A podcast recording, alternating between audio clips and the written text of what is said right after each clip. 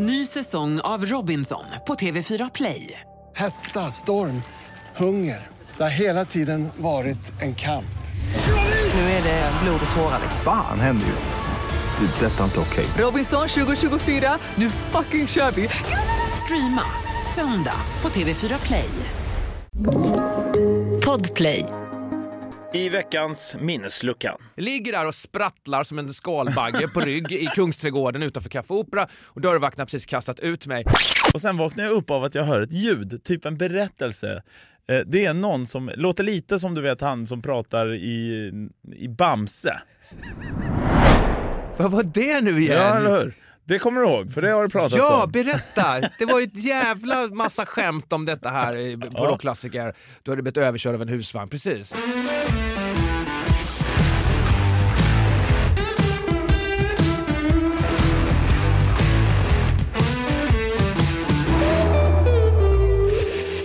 Välkomna till Minnesluckan med mig, Nicke Borg. Och så är det jag, Janne Innanfors. Det här är främst en samtals och nostalgipodd där vi varje avsnitt väljer ett nytt år som vi blickar tillbaka på och minns händelser och musik. Men det blir samtidigt en hel del djupdykningar i mitt band Backyard Babies dysfunktionella karriär och mitt liv som rockstjärna. Men nu, nu ska vi öppna veckans minneslucka. Janne, vart ska vi bege oss idag? Jo, det här året då blir Sveriges befolkning hela 10 miljoner pers och eh, Finlands eh, självständighet firar faktiskt 100 år det här året. Macron blir Frankrikes president och denna låten är en av de absolut mest spelade på hela planeten det här året. I'm in love with your body. Every day discovering something brand new. The Nej, Sharon med Shape of You spelas ju precis överallt. Jaha, jag trodde det var Justin Bieber med den eh, Despacito eller vad fan Nej. Kioskmongot Akilov bestämmer sig för att plöja ner massa människor på Drottninggatan i Stockholm. Eh, hashtag metoo sprider sig över världen och Chuck Berry avled tyvärr 90 år gammal. Chris Clafford med den här fantastiska rösten vann Idol. Dessutom så kom en ny prins till världen i Sverige och föddes till hertigen av Dalarna. Jag fick det här kuvertet i min hand i stort sett nu, alldeles innan. Det kanske var lite sen. Därför är det pur färskt som man säger. Och han kommer att få namnet Gabriel Karl Walter.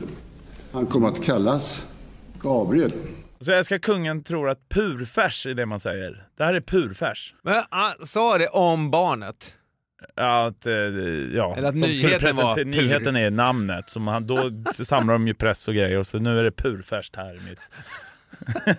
Vi lämnar det där. Ja, Så. det är alltså året 2017 nu och det är ju inte... Det är väl... Det är inte så länge sedan håller på att säga, eller hur? Ja men det är ändå länge sedan på något vänster. Ja. Ja. Fyra, fem, sex, sju år sedan. Precis. så här fingerräknar. Nej men, ja, jag vet, det är inte så länge sedan. Men jag måste bara flika in en grej här först innan vi drar igång. Eh, Det är purfärskt det här året. Ja, precis. Nilla Nyman skrev på våran eh, Instagram häromdagen att eh, ja, men det var det här inlägget när jag slår sönder de här eh, Guitar Hero-gitarrerna. Har inte ni pratat om de här Guitar Hero-gitarrerna i något annat avsnitt? Jo, det kanske vi har. Och det, det, det, jag kände det idag inför det här avsnittet att nu har vi gjort ett gäng eh, episoder och vi har ju som förhoppning om att fortsätta med det här hur länge som helst för det är så himla roligt. Men jag börjar bli lite snurrig. Alltså åren bör, börjar gå ihop. Jag börjar få riktiga minnesluckor. Alltså i nutid, vad pratade vi ens om förra veckan? Känner, känner du lite samma grej? Ja men vi kanske båda kommer stå här som Ozzy Osbourne och, och säga att vi inte kommer ihåg hela 2024. Alltså jag tror att vi får hjälpas åt tillsammans, du och jag Janne, att komma ihåg. Det där har vi faktiskt redan pratat om, fast så kanske blir en annan variant av historien eller en förlängning av den till exempel, så gör ingenting. Och sen får du som lyssnar jättegärna kommentera, precis som Nilla gjorde. Hörni, eh, det där pratar ni om, fast då sa du ju så här, det här blir ganska roligt. För här kommer vi till hela grejen. Är inte minnesluckan det mest geniala namn på den här podden som man kan tänkas ha, eller hur? Det är det ju. Eh, Men eh, vad, vad gjorde du 2017 då? Minns du det? Ja, 2017 var ett väldigt speciellt år för mig, men vi ska backa tiden eh, lite grann till eh, 2000 eh, då jag och mitt Backyard Baby spelade in den här plattan Making Enemies is good. Vi hade liksom kommit hem svansen mellan benen ifrån England då, då. Budgeten var redan spräckt för länge sedan och så vidare. Vi satt i en källare på Roslagsgatan. Och jag och eh, eh min eh, studietekniker, en otroligt erkänd sådan som heter Andrew Scarth, förstår inte varför han ens jobbade med oss. Han har ju typ jobbat med alla de största. Men skitsamma. Vi satt och trackade gitarrer och jag var så jävla naiv. Jag hade någon så här en klisterlapp på gitarren. Det stod “Gimme drugs”. Liksom. Jag skulle vara så här nykter och eh, sådär när jag spelade in det. Men liksom, vi ville bara ut och festa. Vi var så sju, sjukt trötta på att spela in den här skivan. Det var så här evighetsprojekt. Vår, våran hysteria. Så vi bestämde oss i alla fall en, en kväll att äh, men nu skiter vi i det här, nu går vi ut och tar ett par drinkar och tänker på annat, jag och den här Andrew Scarth. Så vi be, begav oss till Café Opera i Stockholm. Uh, ja, Sveriges mest kända nattklubb. De flesta känner väl till Café Opera. Hade sina storhetsdagar på 80-talet men var ju liksom, ja, alltid varit ett riktigt så här kändisställe. Eh, och jag tror det här var en vardag, för det var liksom inte speciellt mycket folk. Så vi är in där och ja, dricker några drinkar. Väldigt lugnt. Vi är inte alls liksom berusade eller någonting. Men jag har en, eh, en bombarjacka med en luva, eller, en huva, liksom, vad säger man? Eh, och, då, och så på ryggen står det eh, i gotiska bokstäver Bad Boys United. och det, här, och det, här, det är faktiskt eh, titeln till den här plattan. Den hette som en arbetstitel Bad Boys United ända fram tills bara några veckor innan eh, den skulle gå i tryck. Då bytte vi namn till Making Enemies is Good. Eh, men de här dörrvakterna då, då på Café Opera tycker liksom att jag ser jävligt suspekt ut med den här, sitter med den här huvan på då, Bad Boys United. De tror att jag är någon sån här MC-gäng eller någon jävla någon, någon, någon, gäng liksom, whatever. Så han, han liksom rycker tag i mig, börjar släpa ut mig och säger så här, "Eh, vi vill inte ha dina jävla gangsterfasoner här inne på Café Opera, det här är ett städarställe och så vidare. Och vet, jag blir fly förbannad och den här stackars Andrew Scarth, han blir också utsläpad i sitt hår. ja, det är så en jävla typ tisdagkväll.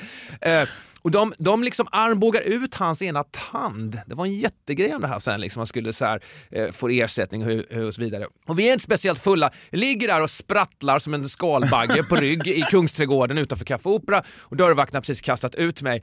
Och jag skriker jag ska stämma er och du vet det är ett jävla liv hit och dit alltså. Och då eh, sedan så hör min eh, manager på den tiden av sig till dörrvaktschefen på Café Opera och ska börja dividera om det här. Hur Var han. Fabbe eller? vad? Nej, nu, nej, det var det inte alls utan det var en kvinna som hette Heidi Westring. Hon var dörrvaktschef eh, på Café Opera. Eh, ökänd ska jag nästan vilja säga också. Alla visste vem Heidi var, alla hade eh, enormt mycket respekt för den här kvinnan. Hon styrde och ställde i Café Opera-dörren under många år. Och då säger hon till min manager, jag tror, jag tror att det är bra om Nicke inte stämmer de här vakterna och drar igång en stor grej för att det kommer inte, det här är inget hot men det kommer inte bli bra eh, för, för honom och hans framtid. Så vi skiter i det där, det där det rinner ut i sanden och så vidare. Men där stannar vi den storyn. Fast forward då, då till typ 2013 då jag, som jag har pratat om tidigare här i podden, då, då eh, eh, får vara med i det här eh, barnprogrammet Stjärnornas hoppning på SVT. Jag ska lära mig hoppa och rida, det vet. Det var ju så hela min jävla hästgrej började då, det har jag snackat om. Då är det en kvinna där som heter Heidi eh, som äger massa hästar och är jätteduktig hopptränare och så vidare. Så, så jag börjar snacka med och verkar som att hon gillar mig och tycker liksom att eh, jag, jag har lite i mig där, det är bra. Hon, hon, hon liksom så här, tränar mig lite extra vid sidan om och så vidare. Sen sitter jag bara någon eh, någon grej, någon, någon kväll där och så, så, så nä- nämner en person som är med i programmet, ja ah, men det är Heidi och så, så säger hon Café Opera i samma veva. Då föll den här poletten ner. Att jag sitter här nu och har hästträningar med dörrvakts-Heidi som jag skulle stämma alla hennes vakter som har släpat ut mig och förnedrat mig i Kungsträdgården utanför Café Opera. Så vi möts så här, 13 år senare eh, eh, i, i hästvärlden. Liksom. Det här är dörrvakts-Heidi. Och sen då fast forward ytterligare till 2017 då, som är eh, vårt år idag, så sitter jag hemma på hennes hästgård Fornboda gård och vi har blivit liksom superbra vänner. Och där sitter jag och, och ojar mig över att jag ska skilja mig och så vidare. Jag har ingenstans att bo. Eh, jag tränar ju liksom då eh, hästhoppning på hennes hästar där på gården. Och då säger hon så här, ja men du kan ju flytta till det här eh, röda huset som är uppe på kullen som ligger inom Fornbodas, eh, Fornboda eh, gård. Och, Ja, ja, ja, men haha, det var ju roligt liksom, vad idylliskt, liksom? men fan äger det huset då? Så här, ja men det är jag som äger det. Och bara, fuck, jag tar det. Hon bara, men du har inte ens sett hur det ser ut. Jag skiter i om det är stampat jordgolv. där, där jag, jag, ska, jag ska bo på en hästgård. Nu börjar ett helt nytt liv, ett helt nytt kapitel. Så helt sjukt från att ha träffats då på Café Opera där runt 2000, så 17 år senare sitter jag på hennes gård. Och nu då idag så både äger jag eh, hus och mark där och med och driver hela den här gården. Liksom. Det kommer vi prata om säkert hur mycket som helst. Så det är, 2017 var liksom brytpunkten där jag hamnade i mitt nya liv kan man säga. Bland hästarna och hästskiten. Men Tror du det här hade hänt om du hade stämt dem från början? Intressant. Nej, det hade säkert inte hänt. Då hade det nog blivit eh, så att... Och, alltså, ingen aning. Jag, jag kanske inte ens hade levt längre. Det kändes ju som att det fanns ett underliggande hot i det här. Det blir inget bra om han st- stämmer. Nej, men äh, skämt åsido, nej, ingen aning. Men det var ju otroligt stökigt på den tiden och, eh, och det är så roligt att, att liksom någonstans så här så möttes våra vägar igen på det här sättet. Livet är väldigt lustigt tycker jag. Mitt liv i alla fall. Ja, verkligen. Och nej, jag har ju fortfarande bilder kvar från det här året, 2017, i mobilen. Så jag gick ju igenom lite snabbt för att få lite eh, minnesuppfräschningar så att säga. Och jag ser ju att jag lever ju det här året som att varje dag var den sista. Jag fattar inte riktigt hur jag har hunnit med allt. Jag sov definitivt mindre i min egen säng än eh, på övriga platser helt enkelt. Jag var lite överallt och gjorde precis allting som gick att göra eh, om, om erbjudandet dök upp så att säga. Så att jag var tillbaka i Los Angeles bland annat. Jag var lite överallt känns det som. Men det finns så många vägar att ta av det här. Jag tror egentligen så var jag bara ganska ensam eh, och, och sökte väl tröst i liksom på andra platser om man säger så. Men det var ju faktiskt det här året också då eh, det, det ökända överkörningen av en husvagn körde över mig. Vad var det nu igen? Ja, eller hur? Det kommer du ihåg, för det har du pratat Ja, om. berätta! Det var ju ett jävla massa skämt om detta här eh, på Ja. rockklassiker. Du hade blivit överkörd av en husvagn, precis. Exakt. Det får du förklara. Eh, Det var på eh, eh, Skogsröjet. Jag är ganska säker på att ni lirade där med Backyard Babies det året också. Eh, tror för jag tror att det var efter jag hade sett er eller något sånt. Som jag skulle tillbaka till eh, ja, där jag bodde. Vi bodde i en husbil. Och det var rätt sent på natten, de hade stängt alltihopa. Och eh, det var sista kvällen. Så att folk var ju på väg hem där, liksom, de som inte ville stanna kvar och, och festa sista natten. Eh, Och då mötte jag, och det hade regnat som fan, det var geggigt som fan där de kom ut med bilarna och sånt. Och då mötte jag liksom en bil som har fastnat som har en husvagn bakom sig. Så jag tänkte, fan här hugger jag in och hjälper som den eh, eh, härliga snubbe jag är. och det fanns bara en plats att stå kvar och putta för det, alla platser var upptagna. Förutom bakom bilen till höger, så mellan husvagnen och bilen med andra ord. Och vi puttar på det tar rätt lång tid innan eh, någonting sker. Men till slut så får vi liksom, puttar vi upp den ur den här lilla gropen som den har fastnat i då, I guess. Men det är ju bara gyttja överallt liksom. Så jag halkar ju samtidigt som den kommer iväg, för jag står och puttar på och då flyger jag bara rätt ner i gyttjan. Och inser någonstans att shit, nu ligger jag risigt till så att jag måste göra någonting. Och då börjar jag krypa åt vänster och tänker inte skallen, inte skallen. För jag vet ju att husvagnen kommer snart och jag vill inte att den ska komma över skallen för då är det godnatt. Jag har kommit på nu i efterhand att hade jag bara rullat åt höger så hade jag ju kommit loss direkt. Men jag börjar krypa åt vänster, panik förmodligen, och inte nykter. Eh, och kommer precis utanför med huvudet från däcket så att den rullar över liksom axelpartiet och ryggen. Och då är det väl bara tur att det är gegga där så, och att de förmodligen har tömt det mesta av ölen som de förmodligen har haft i den där husvagnen. Den var inte så tung. Nej, den krossade ingenting i alla fall vad jag vet. Jag fick lite problem med nacken vet jag som jag fick göra rehab för, men inte värre än så. Eh, Och kom precis ut då och var så glad. Och alla bara drog. T- Ingen hjälpte mig upp eller någonting. Så jag, jag reser mig upp, går tillbaka, kommer, det var väl en hundra meter kvar innan jag var hemma. Kommer in där till eh, eh, folket jag bor med och de direkt bara "Äh, “ta av dig skorna innan du går in här”. Jag, jag är liksom helt i chock. Och då kommer liksom tårar och grejer också. Eh, bara för att jag, jag har liksom inte fattat vad som har hänt förrän då egentligen. Och det finns ju en sån här episk bild där, där jag har lagt upp liksom kläderna och allting på gräset dagen efter och bara tar en bild. Det är liksom sönder, det är hela gyttja. Tishan gick i tu som, som jag hade på mig och grejer. Men du säger bild, det här finns inte en film på det?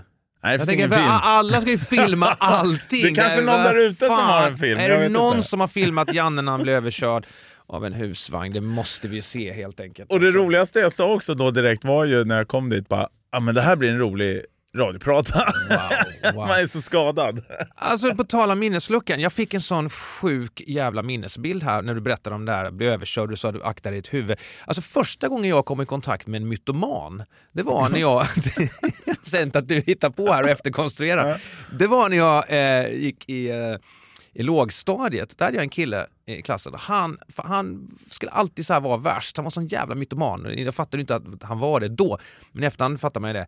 Han kom en dag, då hade han ett litet rött märke på halsen. Då sa han att han hade blivit överkörd av en bil på, ha- över halsen. Att han hamnar under en bil och så bara uh, kör över halsen. Bara, Men för fan, vi bara åh, fast det låter ju jävligt otroligt att du lever och att det bara blev ett sånt litet eh, skrapmärke där om du blev överkörd med en bil över halsen. Så att, jag såg dig framför mig där, bara en husvagn över. Jag bara, ja, där hade Janne, sen hade han lite problem att gå efter det. Typ. Nej, fy fan, det där, ja. Mm. Jag, jag känner lite grann, din och min åldersskillnad, det är så här, du, du 2017 var mitt 2007. det var helt reckless. Jag kommer ha andra stories vad du gjorde 2017, alltså, men det kanske vi ska ta en annan gång. Mm. Ja. Nu kör vi lite vad som har hänt i veckan.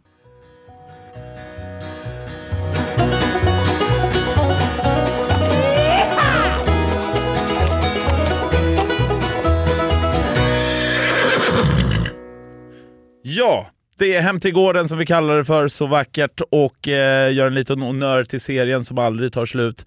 Eh, och det är lite vad som har hänt i veckan och i veckan har det ju hänt jäkligt balla grejer. Dels har jag varit på Mellon i Eskilstuna och festat alldeles för hårt, men framförallt så var ju Bruce Dickinson här i lokalerna. Ja, det var han. The Siren som var hans smeknamn i början av karriären när han precis hade landat eh, frontmansrollen. Ska man, vad ska man säga? Alltså, han, liksom ny, ny sångare i Iron Maiden. Helt otroligt med Number of the Beast. Jag ser ju honom som the sångare i Iron Maiden. Och the Bruce Dickinson, han tar på sig brallorna ett ben i taget. Eh, Det är väldigt många sådana Saturday Night Live-referenser som jag drar när det handlar om Bruce Dickinson. Det flyger lite över huvudet på en, en yngre generation, men googla för helvete Christopher Walken, the Bruce Dickinson, så lämnar vi det där. More cowbell. More cowbell. Uh, nej, men eh, det var ju kul att få träffa honom igen och vi pratade ju då om hans nya soloalbum som kom ut här i fredags. Och han har dessutom släppt liksom en sån här serietidning med det som kom ut i 12 olika volymer. Så det är ett jäkla projekt. Men det roligaste och som jag tänkte spela upp här också, det är att han själv också har en minneslucka. Så han ska få minnesluckan i minnesluckan. Vad tror du om det? Ja, låt höra, jag är supernyfiken. Han söker liksom efter något som inte jag kommer på vilka det är. Men det kanske du gör eller någon som lyssnar för att eh, det här behöver vi hjälp med. Eh, jag frågar helt enkelt vart den här Scream for me kommer ifrån. Och Ja. v- vart det börjar liksom. För han brukar ju ställa sig på scenen ibland när han är i Stockholm eller till exempel. Scream for me Stockholm! Ja men han säger Scream for me på alla ställen han är. Det är ju liksom hans, eh, hans, eh, Signum. hans, eh, vad säger man? Eh, vad fan, nu har jag en minneslucka. Nej men skit ja, men låt, låt oss höra. Ja. It was the oh god, what was the name of the band? They were um, it was an Australian guy. God, name of the band. Boom. They, they were like um, um, uh, a, a hair, band in the uh, in the eighties in LA, and we used to go and hang out, hang out when we we were there with Maiden and uh, what were they called? Oh, brain gone. Anyway, so um, uh, but he he was the one that actually coined the phrase. I think you know, All right. you scream for me Yeah. and um, I might have said it once, and he kind of cottoned onto it and said, ah, "That's cool. That should be your catchphrase." And I went, "Really?" so, so that was it, and it became my version of Aussie's "Let's go, let's go crazy," you know, like, and everything. So, uh, yeah, for for whatever reason, I don't do it as much now as I do. I do it every every now and again. I go, "Okay, go on then, yeah, yeah, go on, scream for me then." Ah, you know, but you do it every five minutes, it's a bit rubbish. You know. Ja, ja, ja. ja, det är alltså något hårband från Australien om jag fattar rätt som var i LA under 80-talet. Får du fram något namn? Nej, jag, jag har ingen aning om uh, vilket band han pratar om, men, det, men alltså catchphrase var ju ett bra uttryck som han själv sa där. Scream for me Long Beach! det är ju från Live After Death. Alltså, och, och, återigen, nu kanske han inte säger det så mycket då live som han säger Nej, själv, bevisligen men eh, inte. jag tycker liksom att det har man hört varenda gång man sett Maiden så har man ju hört det där säkert 10-15 gånger under konserten. och publiken skriker minsann på uppmaning av Bruce Dickinson. Ja, det är skitcoolt. Han kanske också hade en minneslucka för jag frågade honom nämligen så här om han kommer ihåg, eh, det här har jag pratat om i podden, eller hur? När han intervjuade mig för tysk eh, TV och hade, eh, om han var taking the piss eller inte, han hade någon blå trollkarlsdräkt på sig. Ja, du nämnde det snabbt lite ja, i slutet. precis. Och så, och, och så sitter han där, jag vet inte om han är seriös eller oseriös och så intervjuar han mig och Dregen uppe på något tak i Düsseldorf, inte fan vet jag. Eh, och jag frågar honom om detta så här bara, och Bagge, yeah, backyard babies, yes I remember! That was for, for BBC right? Nej, det är ju brittisk liksom. Det här var ju Tyskland i Düsseldorf. Bara, yeah, yeah, yeah, I remember. Bara, och tänkte, ja, nu är han antingen en jävligt artig eller så, eller så kommer han faktiskt ihåg. Hur som helst, Bruce Dickinson är väl kanske en av världens trevligaste rockstjärnor. Ja, mycket trevlig. Så det gjorde jag i veckan. Vad gjorde du? Ja, jag har gjort någonting riktigt coolt faktiskt. Eh, jag ska dra lite backstoryn bara. När jag bodde kvar i lilla Nässjö och hade blivit ett stort Guns N' Roses-fan då. Det var ju faktiskt så här, på tal om Bruce Dickinson, Iron Maiden var ju för mig det bandet som fick mig att bli hårdrockare på riktigt. Peace of Mind var min första Maiden-platta. Dagen efter köpte jag Number of the Beast och sen fortsatte det liksom. Och, och jag började samla på Maiden-skivor. Men det var ju när Guns N' Roses dök ner som jag blev ett sånt superfan av ett band och verkligen gick all in att samla på skivor. Så efter skolan så eh, cyklade jag ner till eh, tågstationen i Nässjö, satte mig på tåget ner till Göteborg, han dit precis liksom innan affärerna stängde och sprang runt i de här olika skivaffärerna, olika skivbörser i, i Göteborg. Jag försökte kolla lite häromdagen vad de hette eh, på den här tiden. Jag tror det var något ställe som heter Dirty Records, CD-specialisten tror jag det var ett ställe som hette, man, man fick upp någon skum vind och, och rota i skivbackarna och jag var ju på jakt då efter bootlegs. Idag är alltså jävla tråkigt med internet och Youtube. För det första finns allting bara ett klick bort. Men då fick man gå igenom en jävla massa olika eh, stadier för att hitta då bootleg-inspelningar. Jag, jag samlade på bootlegs, jag bytte, så här, tape trading. Jag spelade av en bootleg på ett kassettband, skickade det kassettbandet då. Jag hade liksom till och med kompisar i Australien som jag bytte bootlegs med, över hela världen brevväxlade och bytte bootleg-skivor. Så hade han en skiva då, till exempel min polare i Australien, då spelade han in den på en kassett och så bytte vi så här. Så samlade de på detta. Så jävla häftigt och det tog så jäkla mycket tid och man fick liksom lägga ner jävla energi på att vara ett fan på ett helt annat sätt. Eh, Så då eh, har jag ju då av den anledningen eh, suttit på en jävla Guns N' Roses-samling i väldigt, väldigt många år och varit väldigt stolt över denna och, och hit och dit och lagt upp lite bilder till höger och vänster. Men så, så, så kände jag bara så här eh, att fan, jag har inte ens en skivspelare hemma. Och det är lite pinsamt, alltså en vinylspelare. Eh, Det var till och med jag. Ja, och det här är liksom, det är intervjuskivor, det är så shaped picture discs och det är väldigt många då bootlegs. Halloween on the Horizon är en som heter till exempel, Bad Boys Great Noise. Och sen har jag en, en Guns N' Roses bootleg, den heter bara Guns N' Roses, det står bara GNR Live i rosa på ett, en vit eh, vinylkonvolut. det är, det är en, en bootleg-inspelning från det gigget 1989 när Guns N' Roses öppnar för Rolling Stones i Los Angeles. Eh, du kanske inte känner till det här giget, men det är liksom ett, ett klassiskt gig. De hade inte lirat ihop tror jag på åtta månader.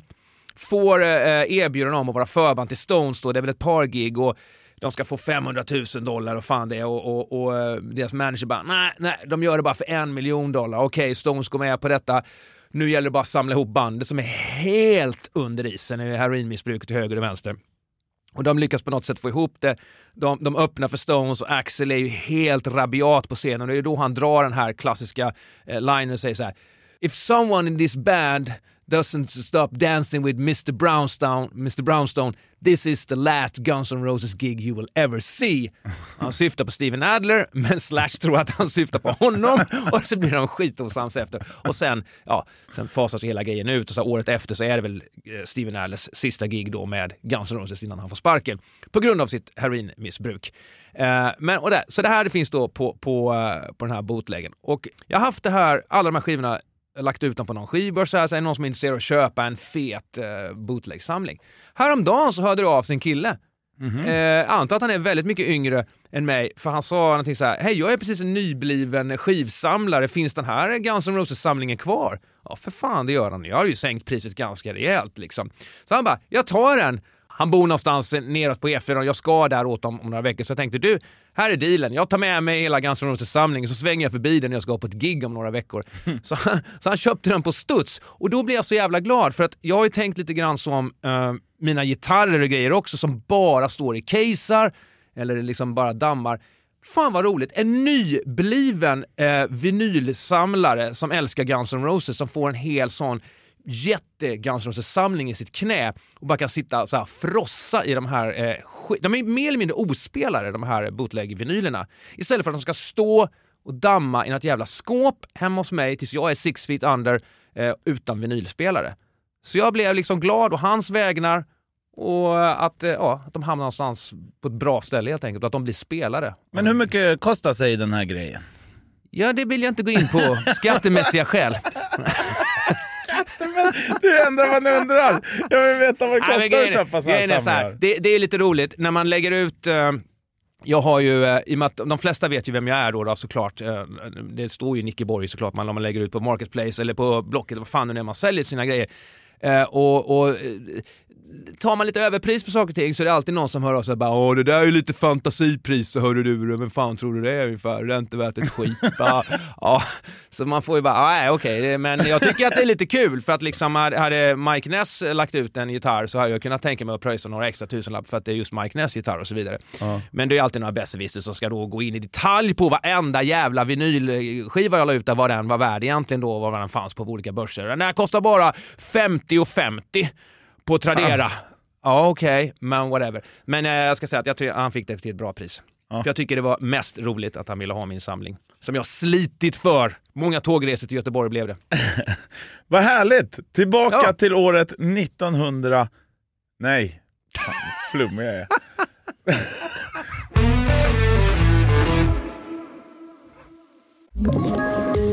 Poddtips från Podplay.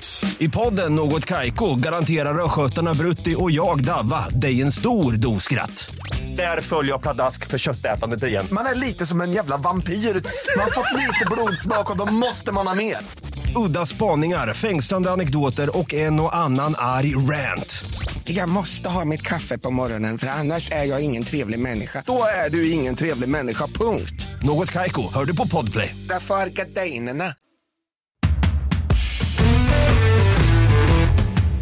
Hörru Janne, vilket år var vi på idag? 2017. Jag fick bara en minneslucka. Och om vi ska tillbaka dit, jag är lite förvånad att du inte har nämnt det riktigt ännu, men jag har det som en stor, stor grej, happening i mitt liv. Här den här konserten kommer jag liksom ta med till min grav och det är det ytterst få konserter som kan skryta med. Eh, men det här var ju då Guns N' Roses, Not In This Lifetime, kom till Stockholm och körde på Friends Arena. Och jag såg på bilderna förresten, ni var ju för fan förband, eviga förbandet var förband! Ja, jag vet att du, du sa det till mig innan vi började spela in här nu idag eh, och att jag hade glömt bort det, jag vet det. Men jag hade ju också glömt bort att jag var förband till ACDC i Globen, så att eh, I'm not surprised. Jag ska säga, Not in this lifetime är ju lite kul. Om man inte vet varför den heter så, den här turnén som uppenbarligen fortfarande än idag pågår. Ja. Eh, även om de inte riktigt har det namnet kvar längre på, på turnéaffischerna, så var det ju eh, Axel det, kommer Guns N' Roses återförenas med originalsättning slash Duff? Axel då, han fick ju en sån fråga, typ, not in this lifetime svarade han då. Men första april 2016, året innan vi är inne på idag då, då så spelade ju Guns N' Roses på The Troubadour. Alltså, årets största aprilskämt trodde ju folk att det var. Men det var det inte minsann. Helt plötsligt står de där på The Troubadour. Jag har lirat på Troubadour, liksom. ett skitlitet ställe. Och så var de ju då, eh, kom de ju till eh, Europa och eh, Skandinavien eh, i, var det, det var juni va, 2017 har jag för mig va? Ja, eller Ja. juli till och med, när de var i Sverige. Nej, men jag vet att jag var ny, eh, nyskild och klumpig som man är frågade min ex, då, exfru redan om hon ville gå på Guns N' Roses. Med dig? Ja, för det är ju ja, eller jag vet inte. det, är det man vill. Ja. Eh, men, eh, ja, ställde du en fråga till mig hur det var att lira? Eller vad sa du? Nej, jag bara tyckte det var du fantastiskt att konstaterade du inte tänkte på det när vi skulle gå igenom 2017. Nej, jag var eh, helt eh, fascinerad av någonting annat. Nej, men det, jag, jag, det var ju lite cirkeln var sluten där med att, eh, som du hörde här precis nyss, då, min fascination och mitt extrema Guns N' Roses skivsamlande och att vara ett fan av det här bandet i, i alla år och fortfarande är än idag. Jag älskar Guns N' Roses. Det kommer aldrig finnas något eh, som kommer komma i närheten av det där bandet och inte be, betyda i närheten av det eh, vad de betyder för mig. Så att få lira med dem, öppna för dem, det ständiga förbandet, Backyard Babies, två gigs vart eh, Köpenhamn och Stockholm. Eh, det var ju skithäftigt. Man fick inte vara eh, på, i närheten av någonstans när Axel skulle på scenen. Duff, Duff och Slash är ju assköna och kramas och är, man, de liksom är ju bara som de alltid är.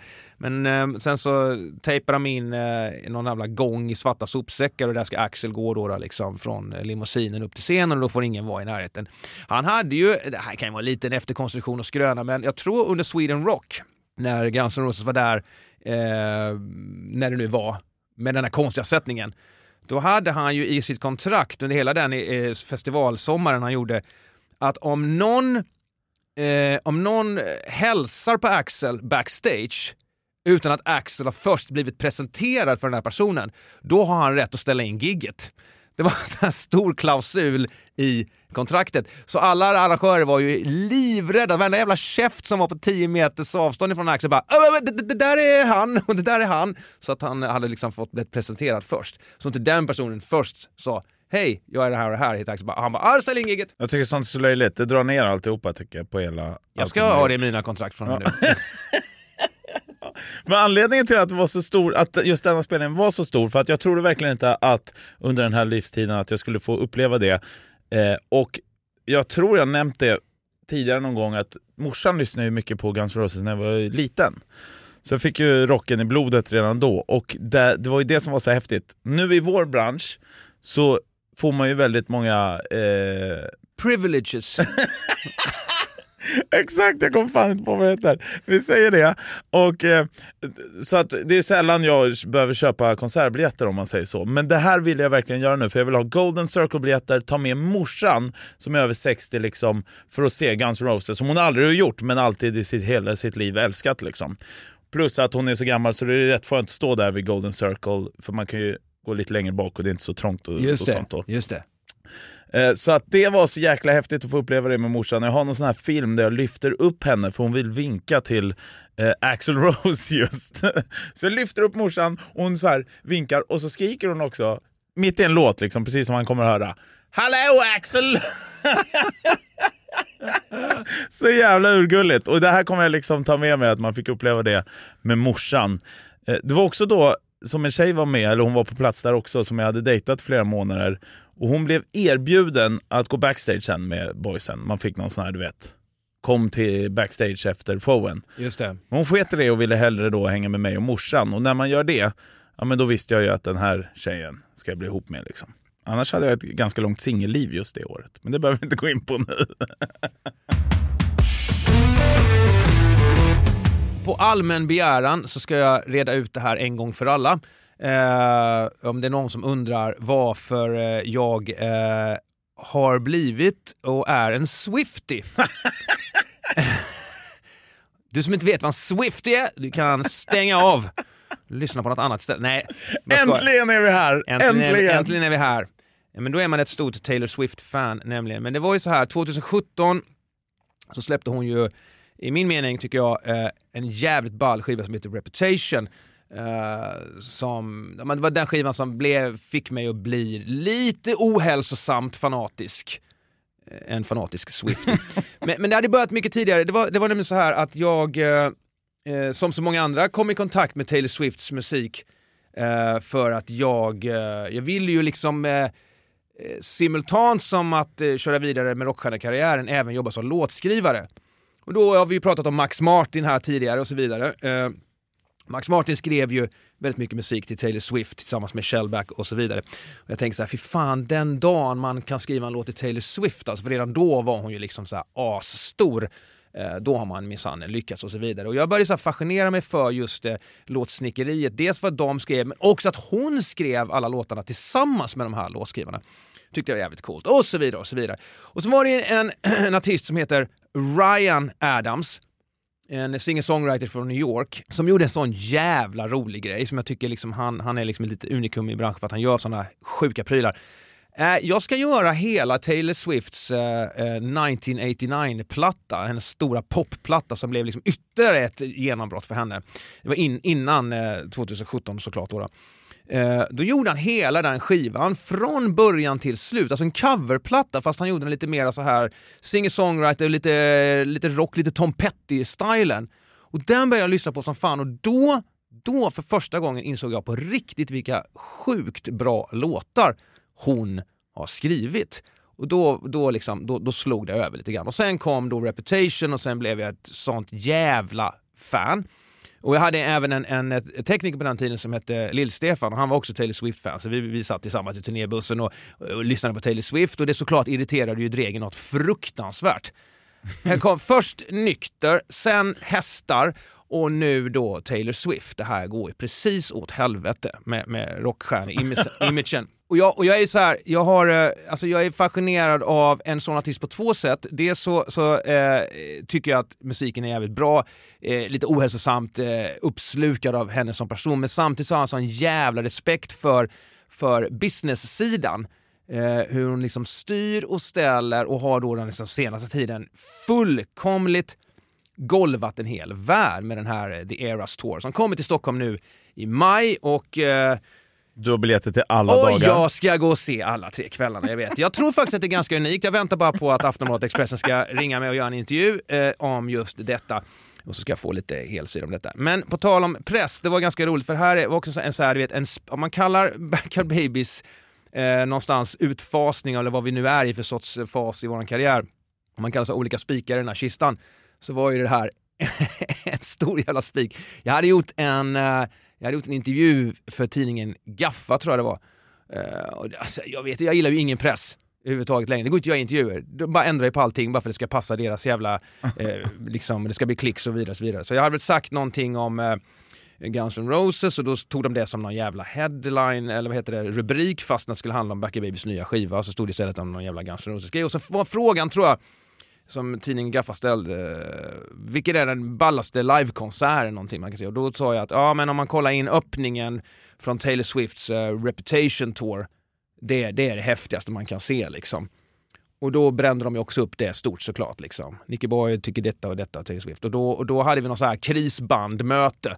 Om någon, annan, av någon annan anledning då såklart. Och då drog Dregen upp detta bara. Du kan för fan inte prata om eh, Katy Perry för fan i pressen. Jag bara, Katy Perry? Fan, kan du inte ens skilja på Katy Perry och Taylor Swift? Då tänker jag inte prata med dig mer. Alltså. så, så, så lämnade vi det därhän. Eh, nej, men... Eh, 2017 var eh, ett, ett, intressant år då för att hon släppte den här plattan som jag personligen tycker är, är en riktigt cool platta. Har du inte lyssnat på Reputation med Taylor Swift så gör det. Välkomna till Taylor Swift-podden. Nej, alltså jag gillar... Jag hade en idé att ha faktiskt en Taylor Swift-podd tillsammans med Isabelle här på Podplay inför gigen nu alltså, men nu är det lite väl sent alltså. Uh... Håll i hästarna här nu. Ja. Uh, jag gillar ju också Taylor Swift men jag börjar bli enormt trött på det för hon har blivit alldeles för stor enligt mig. Alltså det är inte friskt när en person kan avgöra till exempel ett presidentval. För det snackas ju om att den hon väljer att uh, hålla ryggen på ska alla rösta på. Alltså människor ha en egen jävla tanke. Nu det låter det lite konspiratoriskt alltså, A absolut. Hela Super Bowl var redan riggat och, och, deras, och Travis Kelce's och Taylor Swifts eh, förhållande också riggat och, och sen ska de kroka arm med Joe Biden och vinna valet. Jag vet, men det där tycker jag är en otroligt eh, foliehatt eh, konspirationsteori. Alltså. Jag håller med Dregen här nu. Det är lite läskigt när du kan liksom eh, pojkvänsnamn och andra grejer. Vi går in på låtar istället tycker jag från det här året.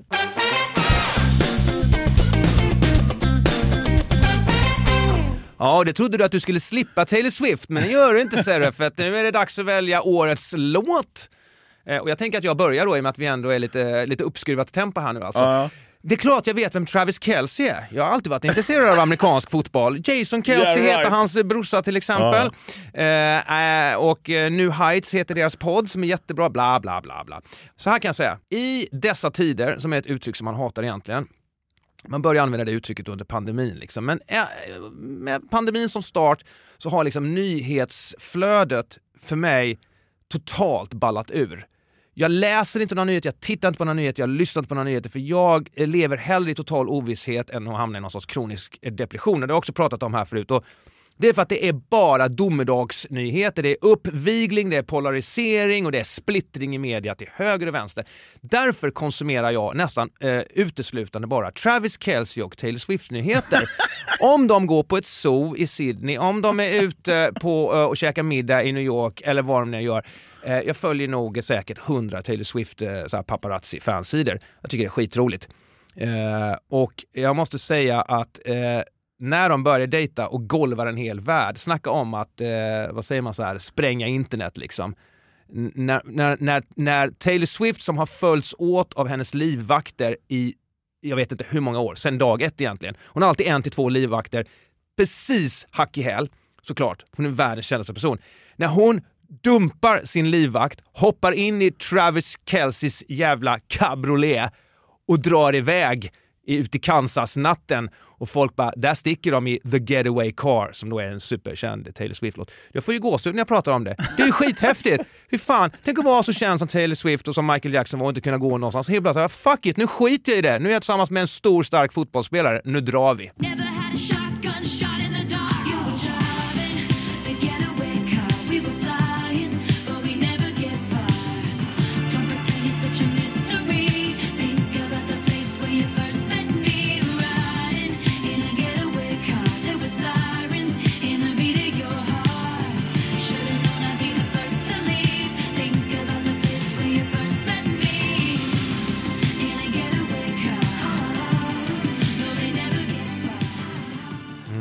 stack de iväg i Kansas-natten där. Travis Kelce och Taylor Swift. Fast låten handlar faktiskt om, eh, vad fan heter han nu då? då? Eh, något ex, eh, han som spelar Loki. Vad heter han? Oj, och t- Tom Hiddleston. Tom Hiddleston, ja precis, exakt. När de träffades på Met-galan. Nej nu räcker det! Nu tar jag mig ur Taylor Swift-greppet. Du, nu ska vi dra ner henne på jorden, för jag fick höra lite skvaller om Taylor Swift eh, för någon vecka sedan bara.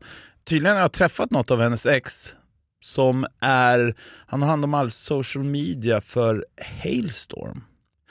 Och eh, han hade då varit tillsammans med Taylor Swift, jag vet inte när det här, det var ju länge sedan säkerligen. Men då hade han eh, så här, spelat upp lite av hennes låtar för några polare. Och när hon fick reda på det så dumpade hon honom, fast inte face to face, utan det kom ett mail eller något sånt att nu är det över och sen dess har de inte pratat. Bra. Du ska inte sprida musik olovligt. Du, vet, du, kan, du kan inte säga, det spelar ingen roll vad du säger. Forever, forever and ever and ever. Jävla Swiftie. Jag har inte valt en Taylor Swift-låt som årets låt 2017. Huh, så nu åker vi iväg på en helt annan turné så att säga. Eh, jag tar, det, var, det fanns faktiskt ganska många bra låtar. Jag gick in, du vet på Spotify finns det så här, dina låtar att lyssna på 2017. Men då märkte jag att det var mycket Johnny Cash och sånt och de är ju inte från 2017. Eh, men de här började göra jäkligt stort ljud i eh, världen får man väl säga. Lite sakta men säkert och det blev den här.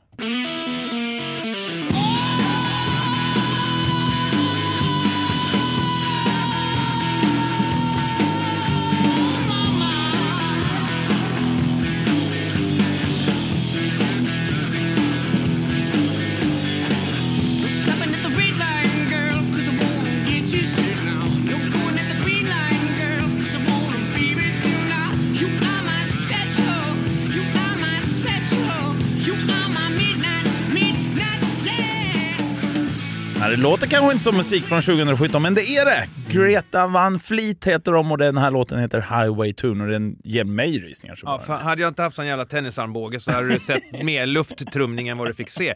Ja, alltså jag älskar det där. Det är jävligt bra alltså. Det är ju lite... Lite för mycket Robert Plant, kanske i alla fall de tidigare grejerna de gjorde. De, eh, framförallt tycker jag väl att det är roligt att han totalt duckar den här frågan, vad nu heter sångaren, så här, är du inspirerad av Robert Plant? Han bara, who? Nej, vi lyssnar bara på Aerosmith. Ah, fast nej. Och Robert Plant själv har ju varit lite så här ödmjuk, att eh, han har också fått frågan, såklart, vad tycker du om eh, Greta Van Fleet liksom, och deras enorma Zeppelin eh, inspiration. Man man läser mellan meningarna så kan så var det så här, de kunde väl typ erkänt lite mer att, att vi var stora influenser istället för bara nej, Led Zeppelin knappt aldrig hört talas om.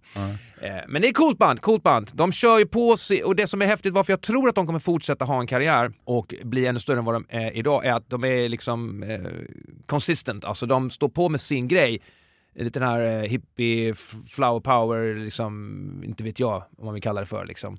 Stilen och musiken. Och höll inte på att liksom, hoppa mellan olika genrer utan kör på detta. Så att, det- mycket bra, mycket bra. Ja, det var ju smågrabbar när de började, nu har de blivit äldre även de. Så Nu har jag fått lite moppemustasch. Ja.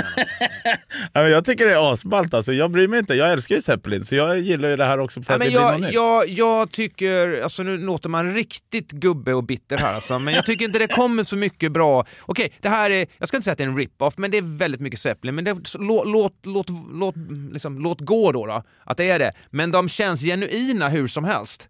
Mm. De är unga och genuina. Och eh, ja, ja, det, det är den stora skillnaden. Så jag, jag skiter faktiskt i att det låter så mycket Led Zeppelin. Jag tycker det är bra ändå. Greta Van Fleet.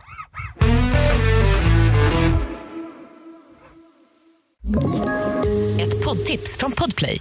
I podden Något Kaiko garanterar östgötarna Brutti och jag, Davva, dig en stor dos skratt. Där följer jag pladask för köttätandet igen. Man är lite som en jävla vampyr. Man har fått lite blodsmak och då måste man ha mer. Udda spaningar, fängslande anekdoter och en och annan arg rant. Jag måste ha mitt kaffe på morgonen för annars är jag ingen trevlig människa. Då är du ingen trevlig människa, punkt. Något Kaiko, hör du på Podplay. Därför är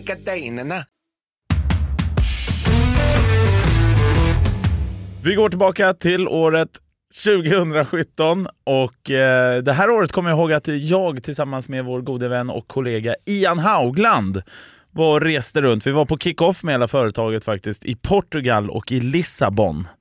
Och det var under en tre, fyra dagar eller något sånt vi var där.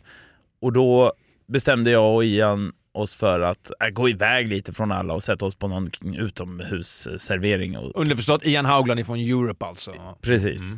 Men jag hade aldrig varit i Lissabon. Det hade definitivt han varit.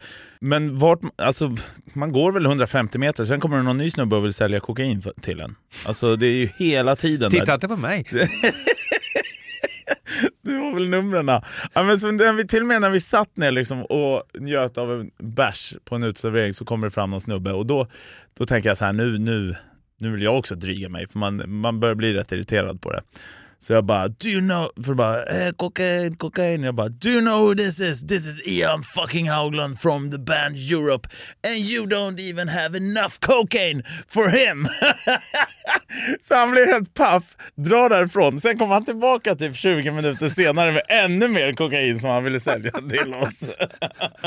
Och Ian bara, but I don't do drugs. Nej, jag vet, det är det som är så roligt.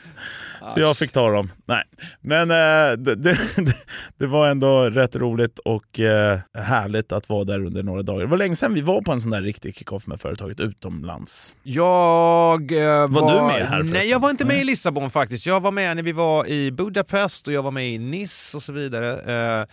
Men eh, ja, vi får se vart det bär av nästa gång. Det är roligt med kick-off. eh, när jag höll på som mest med Back Baby så hade vi inte kick-off.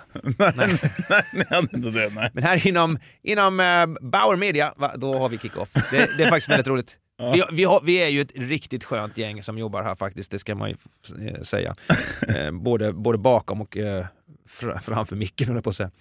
2017 är ju eh, annars ett väldigt, väldigt speciellt år för eh, våra kära grannar i öst, nämligen Finland. Suomi Power! Som firar 100 år som eh, självständigt land då. då. Eh, 2017. 1917 så blev de det. Först var, de ju, först var det svenskt, sen blev det ryskt och, sen blev det finskt. Stackars finnar alltså. De har varit, någon sån, varit ett jävla slagfält i det här landet många gånger riktigt så här förr i tiden. De galna kungar som ska, och konungariken som ska slåss liksom och så hamnar det, vad heter det, utkämpas fighten i stackars Finland liksom. Och ändå är de världens lyckligaste befolkning. Enligt många undersökningar, ja. Eh, och jag måste säga så här, eh, nu, nog lätt för att jag är lite påverkad såklart, det kommer jag komma till snart, eh, så älskar jag Finland.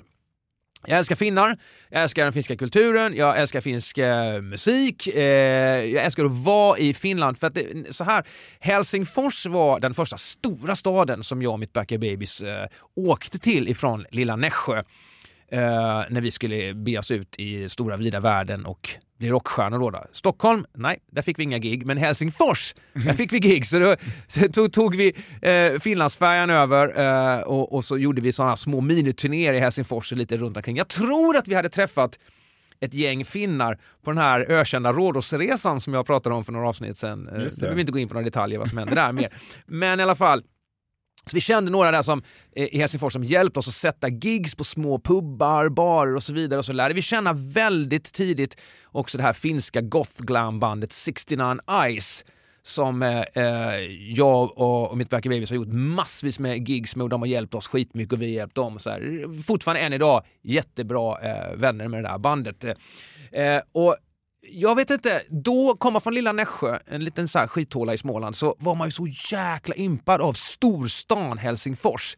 Du vet, neonlampor. Vi tänkte så här, nu, nu, nu är det dags. Vi spelar liksom, vi hade med en sån här stor videokamera som man typ har på axeln och filmade när vi gick där lite så halvfulla på någon gata i Helsingfors och filmade. Så har man tittat på videon till God's Favorite, God's Favorite, en, en eh, otroligt grovkornig, suddig video som finns på Youtube. Uh, så är ju de här eh, street-scenerna eh, inspelade ifrån Helsingfors. Vi går i någon sån här rockbutik där. Jag införskaffade i Helsingfors ett par guldläderbrallor det fanns liksom inte någonstans att få tag på i närheten där jag bodde. Liksom. I Helsingfors fanns den här coola goth glam sleaze eh, rockbutiken. rockbutiken. Kommer inte ihåg vad den hette nu bara för det. Eh, men jag köpte de här guldbrallorna. Eh, det kan jag prata om i en annan avsnitt. Det är de jag har på mig när, Backyard Babies öppnar för Machine Head. Jag kan säga så här, det var lite fel image inför eh, den publiken. Men i alla fall, eh, Finland har betytt så otroligt mycket för mig genom åren. Vi, vi gjorde just, tog väldigt mycket bilder, filmade väldigt mycket eh, i eh, Helsingfors. Till exempel demon till Diesel and Power, vår första demo som Back Babies gjorde, i, alltså den sista demon innan vi fick skivkontrakt. Alla bilderna därifrån är ifrån ett ställe som heter Leppako, betyder fladdermus eh, på finska. Eh, skitcoolt liveställe. Vi i Sverige inte, vi har inte ha- in, haft i närheten så coola liveställen som man har haft eh, eller har i Helsingfors. Tittar man noga på de bilderna så kan man se Dregen spela på en eh, Sunburst Fender Telecaster. Det enda giget som han har haft en Telecaster på. Det är ganska unikt. Även om jag och Dregen stoltserar med att alla som spelar på Fender är beep. Ja. kan man se bevis där. Eh, men det blev sjukt många turnéer i Finland eh, genom åren. Eh, så att jag, är så, jag är så tacksam för, för Finland eh, som har hjälpt Backyard Babies och, och gett mig så jävla mycket under så många år. Bästa fansen. Och det var ju då såklart, självklart, fast forward efter skilsmässa och så vidare 2017 som jag skulle såklart träffa Love of my life, en finska. Han sa ju det eh, när vi bodde fortfarande i lilla Nässjö, han som ägde den lokala musikaffären där när vi var och köpte strängar inför varje Finlandsturné. Ja, det är bra Finland, där är tjejerna pigga i bäret. pigga i bäret? Vad fan är det för jävla uttryck? Måste vara med i Nässjö man använder det. 1800-talet. Men så är det i alla fall. Så min bättre hälft, hon är finska. Och jag har ju lärt mig det, eh, fick också lära mig under pandemin eh, när vi snackade om att åka över gränser och sådär, att är man sambo med en eh, finsk medborgare, då räknas man som finsk medborgare också. I alla fall om man ska åka över eh, gränsen och så vidare. Så jag har samma rättigheter som en finne. Nästan. Det var det jävligaste. Ja, det är coolt. Älskar Finland. Så heja heja 2017, 100 år som självständigt. Vi fortsätter på den banan tycker jag är bra alltså. Ja, grattis i efterskott. Jag har faktiskt också varit på turné i Finland. Jaha. Det är du. Jag, jag hade ju alltid en dröm om att eh, få åka iväg på en eh, liten eh, turné. Eh, så att jag frågade mina polare i Mustasch och Crash Diet som skulle iväg på just det i Finland om jag kunde haka på. Eh, och det fick jag absolut. Eh, Men det går inte att prata så mycket om den eh, turnén kan jag säga, för hela skiten är en stor minneslucka nästan. Men jag kommer ihåg just en grej, och det här är sån här turnébus deluxe liksom. Eh, I deras eh, nightliner då, bussen, så fick jag ju min plats och eh, skulle gå och lägga mig eh, ja, sent efter fest efter någon sån här eh, eh, spelning någonstans i Finland. Man vet ju typ inte vart man är när man åker såna här bussar. Alltså det, jag hade noll koll. I alla fall, jag lägger mig ner och sen vaknar jag upp av att jag hör ett ljud, typ en berättelse. Eh, Det är någon som låter lite som du vet han som pratar i, i Bamse. Nej, Jo. Vem då? Ja, men jag vet inte. Det kommer vara ljud-? Ja, en berättarröst. Och håller på att berätta en sak som jag fy såklart... fan, den är enerverande rösten alltså. Ja. ja, ja. Bamse börjar alltid dagen med en burk dunderhonung. Och när han har ätit den blir han världens starkaste björn. Och så den bara pratar. Jag tänker, vad fan är det som har hänt? Har jag blivit drogad? Hör jag liksom saker nu va? Eh, och blev rätt nöjd över det. Eh, sen började jag tänka, fan så här, för det slutar ju aldrig. Det bara fortsätter jävla berättarröst. Jag ligger där i sängen, det är mörkt, vi åker, bussen kör väl samtidigt. Jag fattar ingenting, så jag tänkte, nej men jag får bara blunda och, och glömma det här.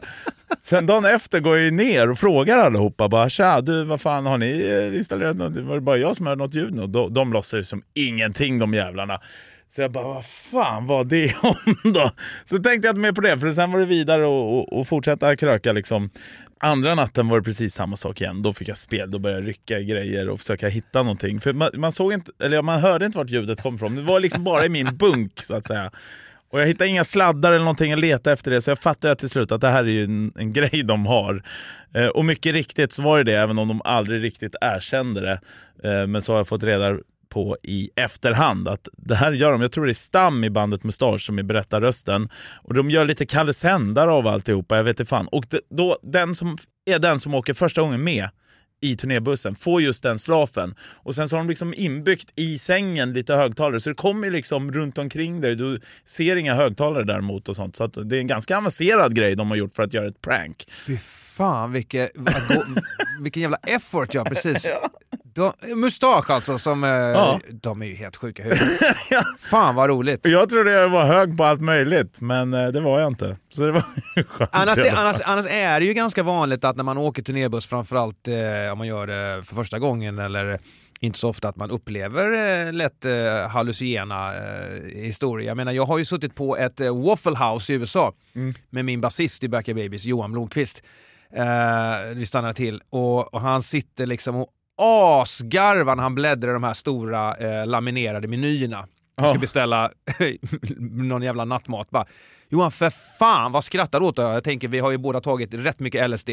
Han, han får ju för sig att alla de här figurerna i, eh, i den här menyn är en tecknad film. Och de håller på och röjer runt där och leker bland maträtterna. Så han, han har ju full jävla Disney-TV i den här menyn. Och det sitter så här gäng jävla truckdrivers som är rätt trötta på honom när han sitter där, du vet, eh, pissfull, skithög, i typ bara kalsongen inne på Waffle House någonstans. Mm, åt helvete på vischan. Jag ser så här skräckfilm framför mig. Nu tar de honom och släpper in honom i ett buskage och styckar upp honom liksom. Och, fan vet jag. Eh, annars, och, och framförallt om man är på turné tillbaks i, i, eh, i Finland då, då, där du var. Så öppnar man de här små liksom, fönstren, då ser man ju bara granskogen då. Mm. Mil efter mil efter mil är det bara granskog. Så man kan tänka sig att bussen går ju inte framåt. Men det är bara att det här är 100 mil raksträcka granskog. Välkommen till Finland. Ja. Ja, men även om man inte kommer ihåg allt så, så var det jävligt kul att få varit med om det. Sen bara något år efter kom ju pandemin och man var inlåst och då var jag extra nöjd med att jag hade joinat den här turnén. Man kan nästan säga så här att även om man inte, du spelar ju inte musik aktivt själv, men du eh, eh, hänger mycket med band som gör det. Man borde få prova på att åka turnébuss en gång. Alla människor borde få göra det. Ja. Med något så här, typ ett band som Mustasch. Eller när Backyard Babies var i sina heydays. Det myntades faktiskt en låt om mig där då. Asså? Mustasch och Ralf, de, eh, de gjorde en låt tillägnad till mig eh, som de har gjort om lite. Den heter Ransacker, för jag satt ju bara och drack upp deras sprit medan de var och giggade. Den kan jag faktiskt lägga ut på våra sociala medier, den är lite rolig. Ja, det är skitbra. ja, Janne. Shit. Ja, vilket år! Woo! 2017 ja, inte så länge sedan men ändå känns det som en evighet sen alltså. Det är, jag, jag får en känsla av, eh, rätta mig eh, om eh, du inte tycker så, men att det känns som att tiden går fortare nu än vad det gjorde förr. Alltså 2017 tills idag, det känns ju som superlänge sedan fast det är ju inte så länge sedan. Ja, det blir annorlunda att tänka på 80-talsår och så vidare. Och så vidare. Nu lät det ju jätteluddigt här. Ja, jag tror vi är färdiga. Du Jag får ingen luft färdiga. här inne. Jag får ingen luft här inne. Snart ser du seriefilm i laminerad meny också. Följ oss på Instagram, Minnesluckan podd heter vi där. Ja, och frågan är, vad tror du om det här? är? Att vi, för det börjar dyka upp rätt många frågor på Instagram-sidan. Jag har sparat allihopa. Ska vi, ska vi ta en liten frågestund nästa avsnitt kanske? Det kan vi göra. Mm. Eh, och eh, vi hörs igen som vanligt med ett nytt avsnitt eh, nästa måndag.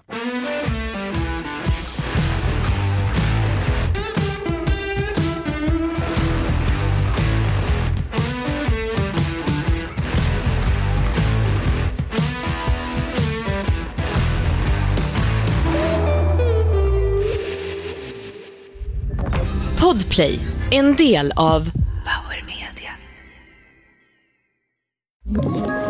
Ett poddtips från Podplay. I fallen jag aldrig glömmer djupdyker Hasse Aro i arbetet bakom några av Sveriges mest uppseendeväckande brottsutredningar. Går vi in med hemlig telefonavlyssning och, och då upplever vi att vi får en total förändring av hans beteende. Vad är det som händer nu? Vem är det som läcker? Och så säger han att jag är kriminell, jag har varit kriminell i hela mitt liv men att mörda ett barn, där går min gräns. Nya säsongen av Fallen jag aldrig glömmer på Podplay.